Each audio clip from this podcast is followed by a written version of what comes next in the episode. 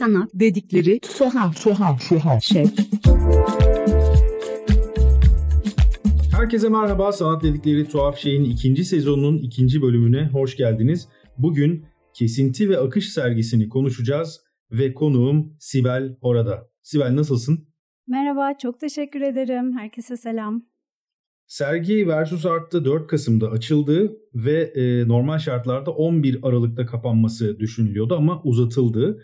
Hem bu bilgileri hem de sergiyle ilgili böyle genel bir bilgiyi senden alarak istersen başlayalım sonra detaylarına girelim. E, evet, yıl sonuna kadar sergiyi uzatma kararı aldık. Öncelikle bu güzel haberle başlayayım. Ee, e, sergi Versus Art Project'te devam ediyor. E, Galatasaray'da Taksim Meydanı'na da çok yakın olan bu galeriye yıl sonuna kadar bekleriz. Tam tarihi kesin netleşmedi o yüzden henüz duyurusunu e, çıkmadık ama hani aşağı yukarı yıl sonundan sonra kapanacak.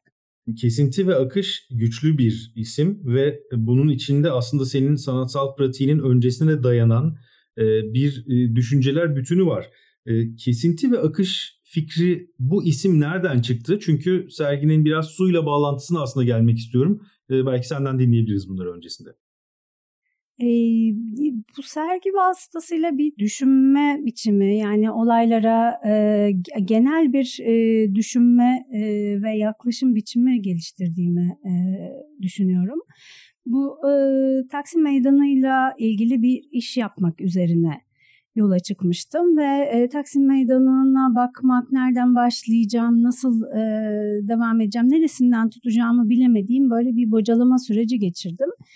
E, onun üzerinden Taksim'in ismi e, bir su yapısından geliyor biliyorsunuz Taksim e, tarihi Taksim Maksiminden. Ve e, bu e, buna bir odaklandım ve Taksim'deki dönüşüm anlarına e, ve bu e, yani çeşitli e, Taksim Meydanı'nda vuku bulan ve Taksim Meydanı'nın temsil ettiği çeşitli e, şeylere e, akışlar üzerinden yani su üzerinden ve suyun e, paylaşımı meselesi üzerinden ve akışlar ve kesintiler üzerinden bakmaya başladım. E, bu aslında şey e, daha genel bir e, başlık seçtik e, bu sergi için. E, Taksim'den daha geniş tabii kesinti ve akış. Bir, daha bir e, şey e, bir böyle e, bakış açısı diyeceğim. Bir yaklaşım biçimi e, olarak e, akışkanlıklar üzerinden e, her şeye bakmaya başladım. Ağustos 2019 ile Şubat 2020 arasında Saha Stüdyo'da konuktun ve e, bu sergideki Taksim'le ilgili olan e, kısmı da aslında biraz orada kurgulamaya başladın diye biliyorum. Bunun çok daha öncesi var ama e, o Saha Stüdyo serüveni, o süreç nasıl geçti? Çünkü daha sonrasında da e, hem 2017'ye hem de daha öncesinde 2013'e bir dönmek istiyorum. E, belki önce bunu konuşabiliriz. Oradan biraz daha geriye gider. Sonra yeniden günümüze geliriz.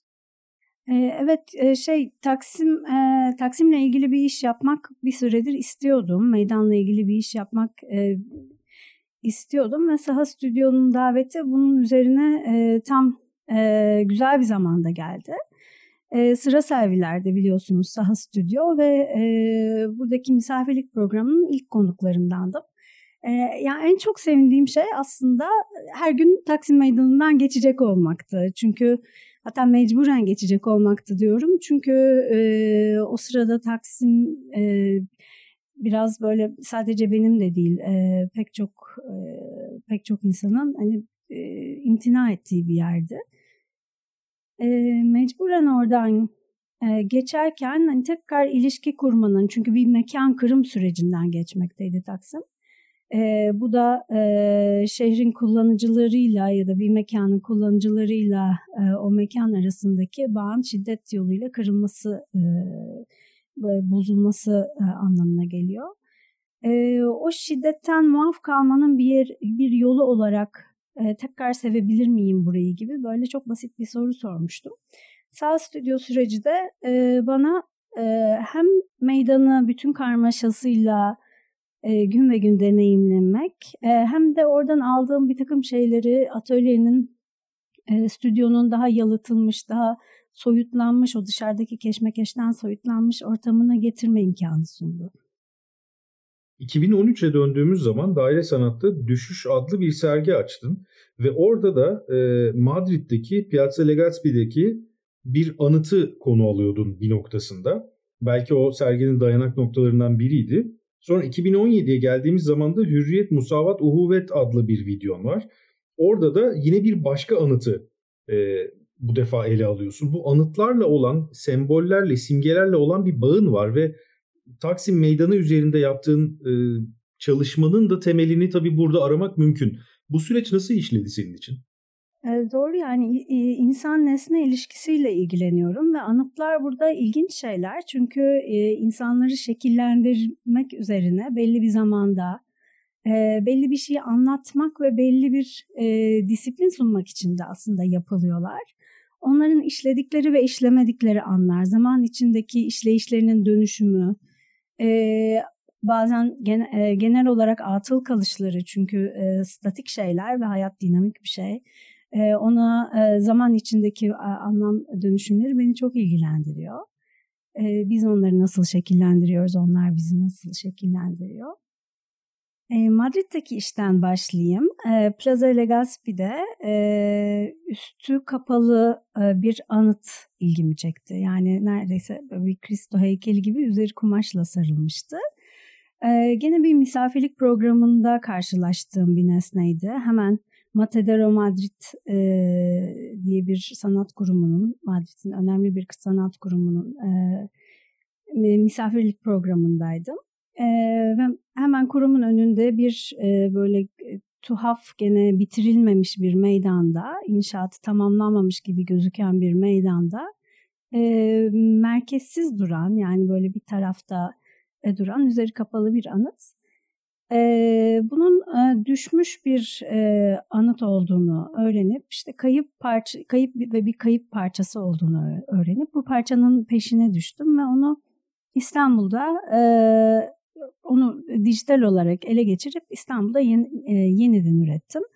E, bütün bu sürecin e, İstanbul'da 2013 yılında olan e, e, geziyle, gezi direnişiyle bir ilişkisi e, vardı.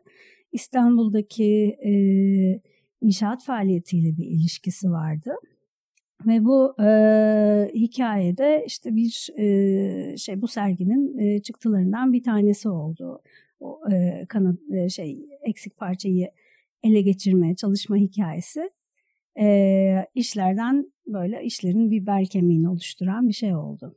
Bunu da podcast olarak web sitemde bulabilirsiniz. Evet o podcast'i dinlemek gerekiyor. Peki ondan sonrasında 2017'ye geldiğimizde Hürriyet, Musavat, Uhuvvet videona baktığımızda yine bir anıt var ama bu defa daha içeriden, daha bizden bir anıt ve o mutasyonu biraz incelediğin bir durum var. Ee, orada mesela piyasa e, piyasa diyorum yine aynı şekilde Plaza Legazpi ile karşılaştırdığımız zaman e, Hürriyet Musavat Uhuvvet'teki anıtla oradaki anıt arasında nasıl bir bağlantı kuruyorsun ki biz bunu sonrasında Taksim'de nasıl okuyabiliriz?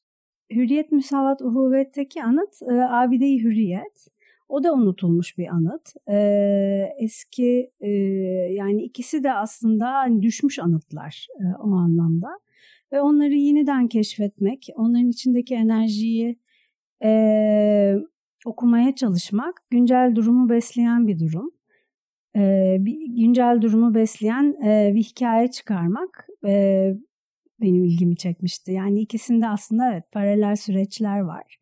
E, Taksim Cumhuriyet anıtı da öyle. Yani düşmüş bir anıt diyemiyoruz ama unutulmuş yani anıtın e, gerçekliğine dair ya da e, orijinine dair unutulmuş bir bilgi var ve gene o unutulmuş bir bilginin o, ya, o unutulmuş olan şeyi anime ederek e, oradan bir e, devam enerjisi üretmek e, aslında bu sergide yapmaya çalıştığım şey. Yani e, evet üç arasında çok güçlü bir bağlantı var o anlamda. Bir de tabii e, Hürriyet Musavat Uhuvvet videosunda benim ilgimi çeken şeylerden bir tanesi e, kameranın hareketi sırasında anıtın içinde biriken su ve suyun yansımalarıydı ve bunun aslında İstanbul'la büyük bir bağlantısı olduğunu o zaman e, düşünmüş ve bunun bilinçli bir karar olduğu sonucuna varmıştım. Bugün e, kesinti ve akışa bakıldığı zaman da burada suyun çok önemli bir yer tuttuğunu görüyoruz ki e, en son konuşmamızda seninle Taksim anıtının e, aslında tam olarak bir anıt değil ama bir çeşme özelliği de olan bir yapı olarak kurgulandığını söylemiştin. Onu biraz anlatır mısın bize? E, aslında bu e, su öğesini e, hatırlaman çok hoş. Çünkü e, Abide Hürriyet'in içerisindeki su ikisi de yağmur suyu. İki anıtın da e, mekanlarında alan e, e, haznelerinde biriken su yağmur suyu ve ikisi de aslında tesadüf eseri fark ettiğim şeyler. E, Abide-i Hürriyet'e çekim için gittiğimiz günün bir öncesinde yağmur yağmış olması e, çok büyük bir tesadüf. Yani onun öyle olacağını bilmiyorduk. Hatta biraz daha fazla su olsaydı çekimi yapamayabilirdik. E, hatta biraz böyle azaltsak mı filan e, temizlemeye mi çalışsak diye bir konuşma geçti. Ama çekim o sayesinde muhteşem oldu. Çünkü e, çok e, hoş bir kubbesi var. O kubbe aşağı yansıdı. Yani mimariye e, bir e, şey e, İngilizce'de reflection diye bir kelime var. Onu çok seviyorum. Yani böyle iki kere düşünmek anlamında. E, kendi üzerine tekrar düşündürten bir e, mekan oluştu o yerdeki su sayesinde. Taksim Cumhuriyet Anıtı'nın da aynı şekilde e, kullanılmayan bir yalak, e, iki tane yalağı var. E, şey e, tasarım aşamasında e, oraya su akacağı e, hayal edilmiş. Fakat anıtın suyu hiç bağlanmadığı için o yalaklar e, çok dikkatinizi çeken e, plastik öğeler değiller. E, fakat bir de işte göz seviyesinin biraz üzerinde kalıyorlar. O yüzden yağmurda o yalakların içinin suyla dolması e, yakınına gidip bakmayınca çok dikkat ettiğimiz bir şey değil. E, ben de bunu işte anıta böyle yakından bakarken filan görünce e, çok heyecanlandım ve böyle e, ve o suyla bir şey yapmak istedim.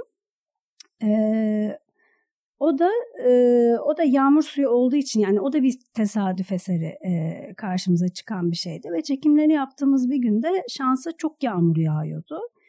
E, acaba işte yağmurda çekmesek mi filan dedik işte insanlar şemsiyeli olacak nasıl falan ama e, filmi kurgularken o yağmur e, yani o, o anıt, anıtın yala, yalakların e, yağmur suyuyla dolması e, işin böyle çok önemli bir parçası haline geldi. İyi ki, e, iyi ki o gün yapmışız yağmura rağmen çekimleri.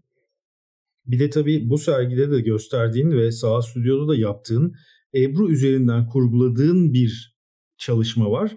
Fakat bu, bu bunun da enteresan bir hikayesi var. Sen aslında o anıtı kullanarak bir Ebru yapmayı düşünüp ondan sonra bunu başka bir yere doğru e, dönüştürmüşsün. Burada nasıl işledi süreç? Yani sağ stüdyoda neyi düşünmüştün?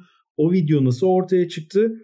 Ve e, sonrasında da e, 23 Ekim 2021'de Erimtan Müzesi'nde e, küratörlüğünü Canak Gümüş'ün yaptığı Büyücü ve Bahçe sergisinde de bu filmin premieri yapıldı. Oraya nasıl geldi süreç de biz bugün e, kesinti ve akışta o videoyu başka bir yerleşim şekliyle görüyoruz. Ee, yani anıtın yalaklarının yağmur suyuyla dolduğunu fark ettikten sonra Suda dur, e, orada kalan ve duran işte buharlaşana kadar duran bir su var. Duran suda ne yapılır diye düşündüm.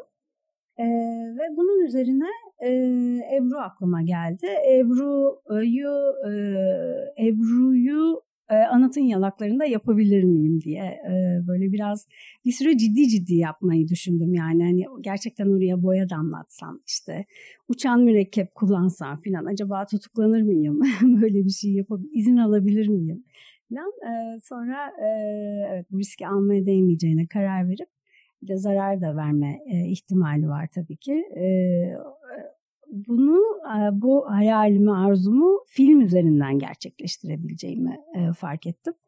Ve e, hani performans videosu olabilecek bir şey e, bir e, e, kendi yani kendi içinde bir üretime dönüştü. Yani e, performans dokümantasyonu olabilecek bir şey kendisi bir performans performatif mecraya dönüştü. Filmde montaj yoluyla anıtın yalağında Ebru yapıldığı anlatılıyor. Görüntüler üst üste bildirerek ve yan yana getirilerek. ve sergiye dönecek olursak sergide sen bunu polis barikatlarının oluşturduğu bir yığının yanında sergiliyorsun. E, tabii böyle olunca biraz daha bağlamı farklı bir noktaya doğru geliyor. E, serginin içinde İstanbul'a ait ve mekana ait birçok aslında ipucu da var. Polis barikatlarının olması da hem Taksim Meydanı üzerinden hem de İstanbul kurgusu üzerinden önemli e, ipuçlarından bir tanesi. Ama sergi bununla sınırlı kalmıyor tabii ki. E, biraz daha sergiden bize bahsedebilir misin? Çünkü orada Ebru'ları da görüyoruz. Bir ses de var e, Versus'a girdiğimiz zaman arka taraftan bize ulaşan ve farklı bir e, sergi kurgusu var. Aslında sen bir anlamda belki de izleyiciyi o suyun akışıyla beraber yönlendirebileceğin bir yolculuğa da çıkarıyor gibisin. Evet aslında mekansal galerinin mekansal planı da işin önemli bir parçası haline geldi. Barikatlardan başlayayım. O filmde gördüğümüz bazı şeyleri barikat çok görüyoruz tabii şey polis bariyeri çok görüyoruz. Bunlar insan akışını durdurmak için insan akışını, insan hareketlerin trafiğini kesmek için kullanılan malzemeler. Bunların devrilmiş ve sanki bir akış halinde e, böyle pen, şey balkonun kenarından böyle içeri doğru akıyormuş gibi olması hem e, dışarıdan içeriye bir şeylerin geldiğine dair e, bir jest hem de e, devrilmiş olmaları o akışın e, tekrardan e, yolunu bulmuş olmasına dair bir e, bir, e, bir hareket. E, bu mesela e, pencerenin dışıyla işte İstiklal Caddesi ve e, meydandan gelen akışı galerinin içine almak. Gene dışarıdan gelen seslerin e, videoda duyduğumuz ve gördüğümüz Taksim Meydanı ses ve görüntüleriyle e, harmanlanıyor olması. E, oradan e, koridordan bizi bir su sesinin çağırıyor olması. E, bu da gene e, 2019 sonunda Saha Stüdyo'da e, ortaya çıkan arzularımdan bir tanesiydi. Taksim suyunu e, kaynağına doğru yani akışın tersine doğru e, e, e, takip etmek. Bu hem e, e, fiziksel anlamda e, Belgrad Ormanı'ndan geliyor su, Belgrad Ormanı'ndaki bentlerden. Hem fiziksel anlamda bentlere gidip e, çekimler yapmamız anlamına geliyordu. Hem de tarihte geriye dönüp e, işte meydanın oluşum e, sürecine bakmak anlamına geliyordu. E, bu yolculuğu, bu serüveni e, galeri mekanındaki uzun koridor boyunca izleyiciyi e, e, yürüterek e, gerçekleştirdim. E, koridorun uza, e, üzerine Taksim Su Yolu'nun bir e, krokisini çizdik. Üzerindeki duraklar, e, hangi e, üzerinde ve üzerindeki yapılar ve su ayrım e, merkezlerinin olduğu bir e, kroki bu. E, şu anda şeye denk düşüyor. Tam işte Maslak yani Belgrad Ormanı'ndan e, yola çıkan su Maslak üzerinden e, o sırt boyunca e, ilerleyerek e, Taksim'e geliyor. Bu da bugünkü aslında hem e, trafiğin aktığı yani Büyükdere Caddesi ile e, başlayan aksa hem de e, metronun yoluna e, tekabül ediyor. İşte Zincirlikuyu, Mecidiyeköy falan diye e, devam eden Hacı Osman'dan başlayıp. E, bu e, yolu işte geriye doğru giderken daha çok İstanbullu izleyici geldi zaten e, bu ilişkiyi kurabiliyorlar ve en sonunda ulaştıkları yerde e, Belgrad Ormanı'ndaki bentlerden e, e, Valide Sultan Bendi. O, o Valide Sultan Bendi'nin e, içindeki e, şey duvarın e, altındaki maksemde ve e, bendin üzerinde yaptığımız e, e, çekim çok çok güzeldi. E, hani bir tarafta biriken baraj suları, bir tarafta da o suyu e, kontrol eden mekanizmayı görebiliyorsunuz. Ve e, e, bunu işte galeri mekanında e, koridoru e, karanlık bırakarak ve izleyiciyi o karanlığın sonundaki sese doğru ve ışığa doğru ilerleterek e, oraya e, ulaşma serüveninin bir e, şeyini yaptım küçük bir e, deneyimini yaşatmayı hedefledim. Yani bir anlamda o akış da e, izleyicinin de akışı haline geliyor ve sen de orada belki de o koridor üzerinden yani ben ben hep böyle bakıyorum olaya bir bir tür metro hattı kurmuş gibi görüyorum seni. Ama bir de e, bu bahsettiğimiz gazeteler ve gazeteler üzerine yapılan ebrular var. Onların da çok ilginç bir hikayesi var. Çünkü aslında sen, bunu söylemiştin daha önceden. Gazete Ebru yapımında zaten kullanılan araçlardan bir tanesi ama Ebru direkt olarak gazetenin üzerine yapılmıyorken sen e, bunu biraz dönüştürüyorsun. Artı o gün konuştuğumuzda bana anlattığın enteresan bir e, kağıt gramaj durumu da vardı Ebru ve bu yaptığın e, kağıt üzerine, gazete üzerine Ebru'lar üzerinden. Biraz da ondan bahsedebilir misin bize? E, gazete üzerine Ebru uygulamak e, Tüzin Tiryaki'den Ebru dersleri alırken e, ortaya e, aklıma gelen bir fikirdi. E, normalde bir sarf malzemesi olarak kullanılıyor gazete Ebru'da. E, iki Ebru arasında tekneyi temizlemek için e, ve atılıyor. Gazete e, bu anlamda hem e, e, şey yani atılan e, bir sarf malzemesi hem de e, nesne olarak da gündemin akışını üzerinden geçiren ve atılan yani o gün, günlük gazete hemen atılan bir şeydir ya da kullanılıp atılan. Ben e, bu akış üzerindeki böyle bazı şeyleri tut, tutmuş oluyorum aslında üzerine Ebru yapıp da onu bir e, sanat e, nesnesi haline getirdiğimde. Ve böylece hem e, politik olan başka bir katmandan daha işin içine girmiş oluyor hem de e, küçük küçük aslında şeyler e, e, bellek barajları gibi e, işliyor bu gazeteli e, Ebrulu gazeteler. Tabii baktığımızda gazete bir e, arşiv alanı olarak ve bir editoryal alan olarak da karşımıza çıkan şeylerden bir tanesi ama bu noktaya kadar biz serginin hep akıştaki yönü üzerinden bir şeyleri konuştuk. Biraz da belki kesintiler üzerinden e, devam edebiliriz. Bu noktada gazetelerin o arşiv oluşturdukları anda da bir tarihi kesintiye uğrat, uğrattıklarını düşünerek ben devam ediyorum kendi kafamda bunları okumaya ve senin yaptığın Ebru'larda sanki o otoritenin üzerine konumlanmış aslında gerçek belki de suyun doğal otoritesi olarak hep kafamda e, adlandırdığım şeylerden bir tanesiydi. E, birincisi bu sence doğru bir önerme oluyor mu? Ben mi doğru okuyorum yoksa başka şeyler de mi işin içine giriyor? Bir de ikincisi bu akışla ilgili olan şeylerin dışında kesintilere dair sergi bize ne anlatıyor ya da sen burada neleri nasıl kurgulamak istedin içeride? Suyun otoritesi e, kısmı güzel yani hem e, gazetelerin yüzeylerini kaplayarak e, özellikle Ebruli Anıt'ta e, bir e, mermeri bir dokunun e, or, gazeteler üzerindeki politik yarılmanın üzerine bir e, böyle aslında bütünleyen bir tarafı da var. Hem de e, e, iki çok spesifik günün gazeteleri onlar.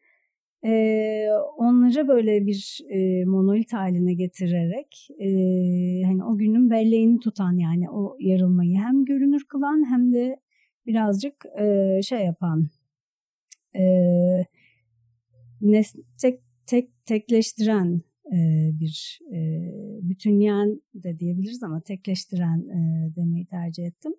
E, bir e, yapısı var. Peki hangi gazeteler, hangi günün gazeteleri bunlar? Bunlar tekrarlanan İstanbul seçimlerinin gazeteleri.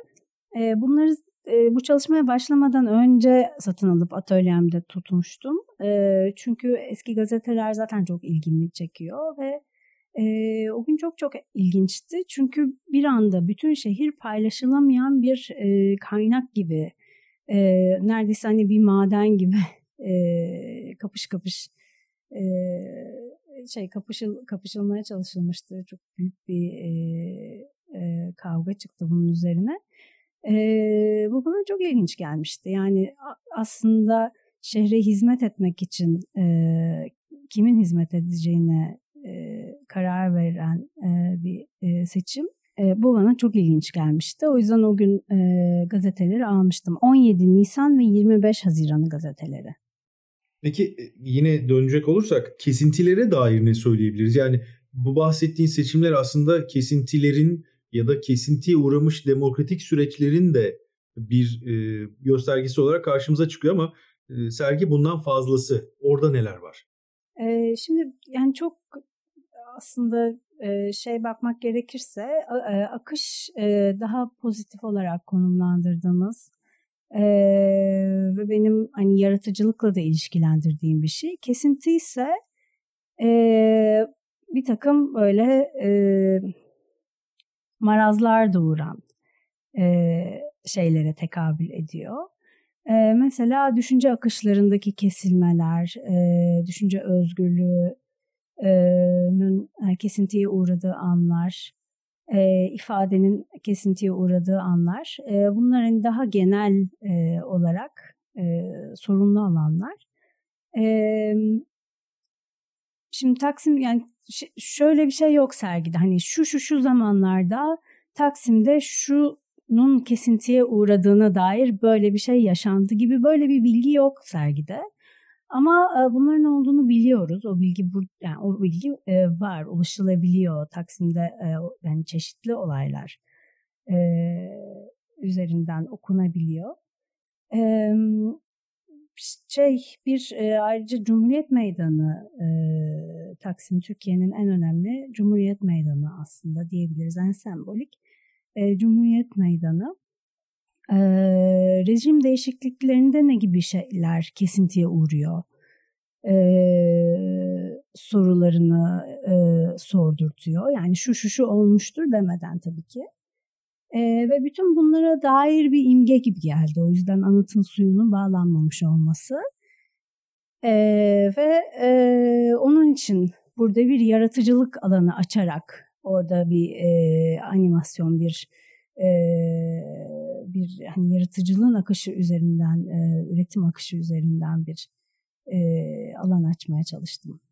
Serginin aynı zamanda bir de e, kataloğu var ve bu katalogda da e, oldukça iyi bir metin var. E, İpek Ulusoy Akgül bu metni kaleme almış ve metnin son tarafında da e, Türkiye'de Mekanda Adalet Derneği'nin desteğiyle Türkçe'ye çevrilen Leyla Harris'in bir e, su hakkı için manifestosundan bir bölüm var. Ben o bölümü izninle hemen kısaca okumak istiyorum. Sonrasında senin görüşlerini almak istiyorum. E, metin şöyle gidiyor, alıntı şöyle gidiyor. Su yolları da temelde birbirleriyle ilişkili ve bizi de birbirimize ve başkalarına bağlıyor. İnsanı insana, türleri türlere, ekosistemi ekosisteme. Su, kelimenin tam anlamıyla aramızdan akıp gidiyor. Yakın bir nehirdeki bir taşma ya da bir çiftlikten akan yüzey suyu toprağımızı, suyumuzu, gıdamızı ve bedenlerimizi kirletme tehdidi oluşturuyor. Su bizim aramızdan hareket ediyor. Yerel bir ırmakta olan şey kan dolaşımımızda buluveriyor kendini ve olan şey de nehri boyuyor. Bu, bu, bu nasıl bir, e, nereden geldi, buraya neden gittin, nasıl o alıntıyı buraya entegre ettin yoksa bu alıntıyı sonradan mı buraya entegre etme ihtimali vardı kafanda ya da bunun üzerinden mi bir şeyler şekillendi? Yani o taraftaki kompleks yapıyla buradaki alıntı birbirine çok oturan iki e, fikir bütünü ve bunlar nasıl bir araya geldi? E, bunları ben bir araya getirmedim. İpek'in aklına geldi tabii ki. E, sergi metninin yazarı İpek e, Ulusoy Akgül'ün. E, çok güzel bir bağlantı. Çünkü metin e, muhteşem bir şekilde su ve bağlantıda olma halini anlatıyor. E, suyun e, yani temel yapı taşı olarak bizi birbirimize ve çevremize bağlayan bir şey olması. E, bu fikri çok çok güzel an, anlatan ve e, sergiye çağıran bir e, şey bu alıntı. E, bu sergide de zaten bağlantıda olma ve bağlantıda kalmaya dair bir tavır var. Yani tarihe bakmak da bundan, etraftan bir şeyler toplamak da bundan, e, işte Taksim Meydanı'na performatif bir özen e, gösterme, özen ilişkisi olarak fırçayla e, yüzeyleri okşamak da bundan. Yani bir böyle bağlantıda olma e, mekanizmaları e, önermek ya da bağlantıda ol e, bağlantıda olmayı hatırlamayı bağlantıda olmaya dair imgeler üretmek üzerine bir e, ve pratikler geliştirmek üzerine bir tavır var. O yüzden çok çok güzel yakalamış bu ikisi arasındaki ilişkiyi İpek. Evet. Sibel çok teşekkürler. Bugün seninle kesinti ve akış sergisini konuştuk. Versus Art'ta açılan bu sergiyi e, muhtemelen senin başta söylediğin gibi yıl sonuna kadar şu anda tarihi belirlenmemiş bir tarihe kadar devam edecek. E, sergiyi e, gezmek gerekiyor aslında burada anlatmaktan çok. Çünkü e, hem görsel hem işitsel anlamda farklı bir deneyim vaat eden e, sergilerden bir tanesi. Bu nedenle bize sergiyi anlattığın ve arkadaki detayları da birazcık açığa kavuşturduğun için teşekkürler. Ben teşekkür ederim. Harika bir sohbet oldu. Ee, dinleyenlere de çok teşekkür ederim. Sanat dedikleri tuhaf şeyin ikinci sezonunun ikinci bölümünde Sibel Horada'yı konuk ettim ve onunla kesinti ve akış sergisini birlikte konuştuk. Gelecek hafta yeni bir konu ve konukla buluşmak üzere. Herkese hoşçakalın.